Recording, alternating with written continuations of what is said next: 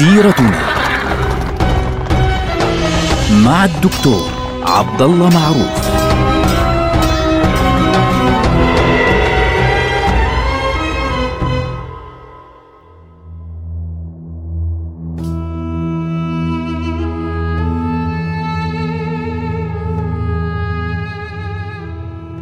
السلام عليكم ورحمة الله وبركاته. سيرتنا سيرة هذه الأمة التي تبدأ مع سيرة سيد هذه الأمة وسيد الأمم أجمعين سيدنا محمد صلى الله عليه وسلم.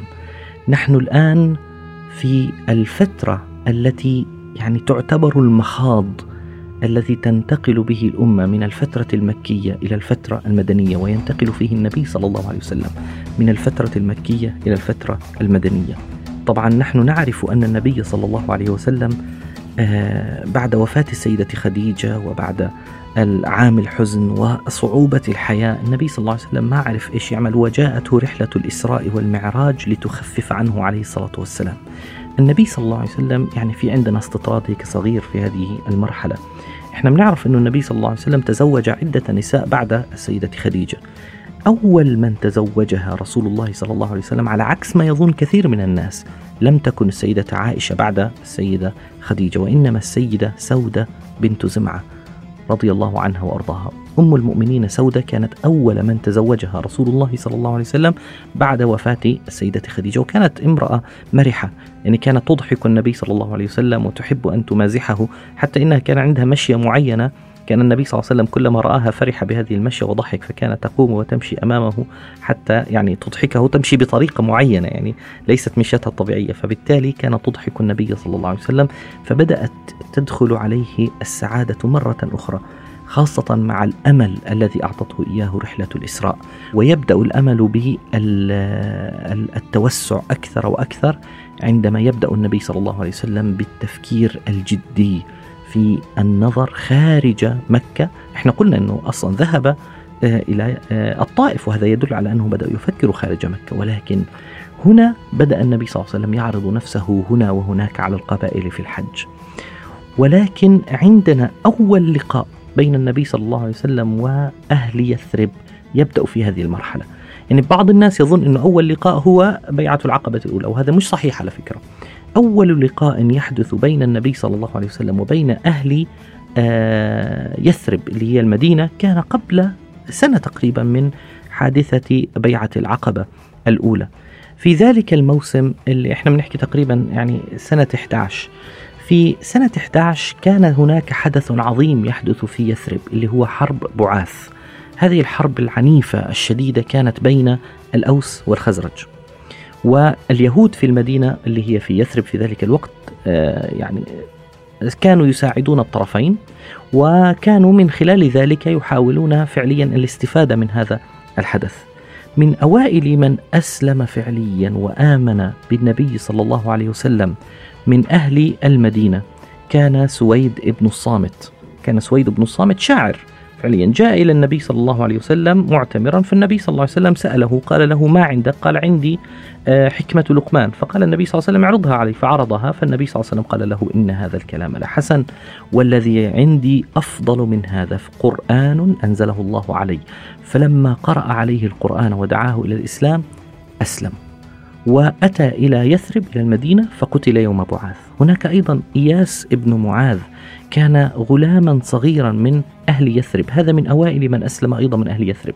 في وفد جاء من الأوس اللي هم قبيلة أصغر من قبيلة الخزرج حتى يطلبوا الحلف من قريش على الخزرج ضمن الحادثة الكبيرة اللي هي زي ما قلنا آه، حرب بعاث. فهذا الوفد عندما وصل إلى مكة المكرمة جاء إليهم النبي صلى الله عليه وسلم فرآهم إنه إيش ماذا أحد يعني ما أتى بكم. فقالوا جئنا لنطلب العون من من قريش على الخزرج وفي حربنا وإلى آخره. فالنبي صلى الله عليه وسلم قال لهم هل لكم في خير مما جئتم به؟ فقالوا وما ذاك؟ قال أنا رسول الله بعثني إلى العباد أدعوهم إلى كذا وكذا وكذا. ثم قرأ عليهم القرآن.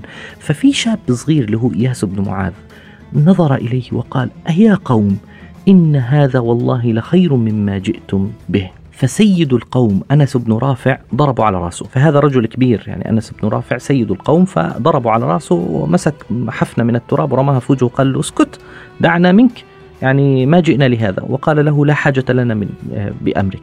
طبعا أنس ابن رافع هذا وكل المجموعة الكبار هذول ال- الكبارية بين قوسين كلهم سادة الحرب وسادة ال- القتال في المدينة بين الأوس والخزرج قتلوا جميعا في هذه الحرب.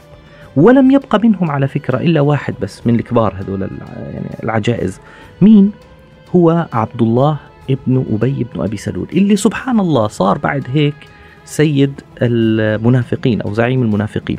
أما الكبارية هذولاك كلهم فكلهم قتلوا بعضهم بعضا. فكانت حرب بعاث اللي هي سيئة وصعبة لأنه الحرب دائما صعبة وسيئة. كانت خيرا فعليا من بشكل غير مباشر لأهل المدينة لأنها كانت مقدمة لقدوم النبي صلى الله عليه وسلم.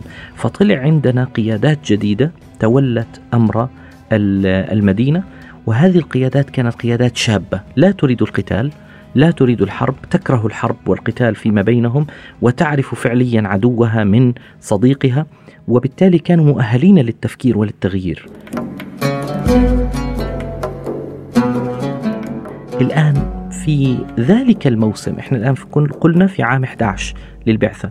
في أوائله حدثت حرب بعاث ثم بعد ذلك في ذلك الموسم في موسم الحج في أواخر ذلك العام أتى بين الحجاج إلى مكة المكرمة ستة أشخاص. هؤلاء من أوائل من أسلم فعليا من أهل المدينة. من هم؟ أسعد بن زرارة وعوف بن الحارث ورافع بن مالك وقطبة ابن عامر وعقبة بن عامر وجابر بن عبد الله رضي الله عنهم جميعا وأرضاهم. هذول الناس لما إجوا الستة ووصلوا إلى مكة المكرمة. طبعا كانت حرب بعاث قد انتهت وعاد الأوس والخزرج واجتمعوا مرة أخرى وعرفوا أنه يهود بني قريظة وبني النضير وبني قينقاع كانوا يوقعون بينهم. فصارت المشاكل تصير بينهم وبين اليهود. فكان اليهود كلما حدثت بينهم وبين هؤلاء مشكلة شو يصيروا يقولوا؟ بيصيروا يقولوا إنه قد جاء زمن نبي نتبعه ونقتلكم معه قتل عاد وإرم. يعني بيهددوا بأهل يثرب العرب. فلما جاء الستة وهم جالسين في منى النبي صلى الله عليه وسلم كانت عادته أن يأتي إلى القبائل الأخرى المختلفة. يمر عليهم مثلا قبائل شيبان قبائل ذهل قبائل آه، بني كلب إلى آخره. يمر عليهم واحدا واحدا قبيلة بني حنيفة وإلى آخره. فلما مر النبي صلى الله عليه وسلم على هؤلاء المجموعة آه، سمع آه، ستة بيجلسوا بيتكلموا. فلما جلس إليهم قال لهم ممن القوم؟ قالوا نفر من الخزرج. فقال أمن موالي يهود؟ يعني أنتم حلفاء اليهود. قالوا نعم. قال أفلا تجلسون فأكلمكم؟ قالوا والله تفضل إحنا قاعدين يعني في ورانا شيء. فشرح لهم عن الإسلام وحدثهم عن الإيمان وتلا عليهم القرآن. فنظروا إلى بعضهم. بيتذكروا الكلام اللي قبل فترة بسيطة بس كان اليهود يتكلموا معهم فيه عن النبي المنتظر وأنه سنفعل وسنفعل وسنفعل. فقالوا والله يا قوم أتعلمون؟ إنه والله للنبي الذي توعدكم به يهود فلا يسبقنكم إليه فأسلموا فورا. يعني من غير ما يدري اليهود كانوا هم سبب إسلام أهل المدينة. سبحان الله العظيم.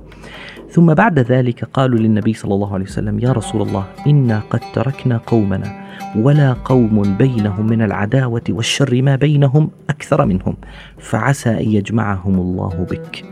الآن سنقدم عليهم. سنذهب إلى يثرب وندعوهم ولعل الله عز وجل يعني آه، يهديهم إلى الإسلام. فالنبي صلى الله عليه وسلم قال لهم أبشروا إن شاء الله. فقالوا له إن يجمعهم الله عليك فلا رجل أعز منك. يعني ما في حدا سيكون أعز منك يا رسول الله. فعادوا وحملوا معهم رسالة الإسلام وبدأوا ينشرونه آه، بالتأودة وتدريج ففشى فيها ذكر النبي صلى الله عليه وسلم وبدأ الناس في المدينة يدخلون في دين الله في مقدمة لبيعة العقبة الأولى. نلقاكم على خير. والسلام عليكم ورحمة الله وبركاته.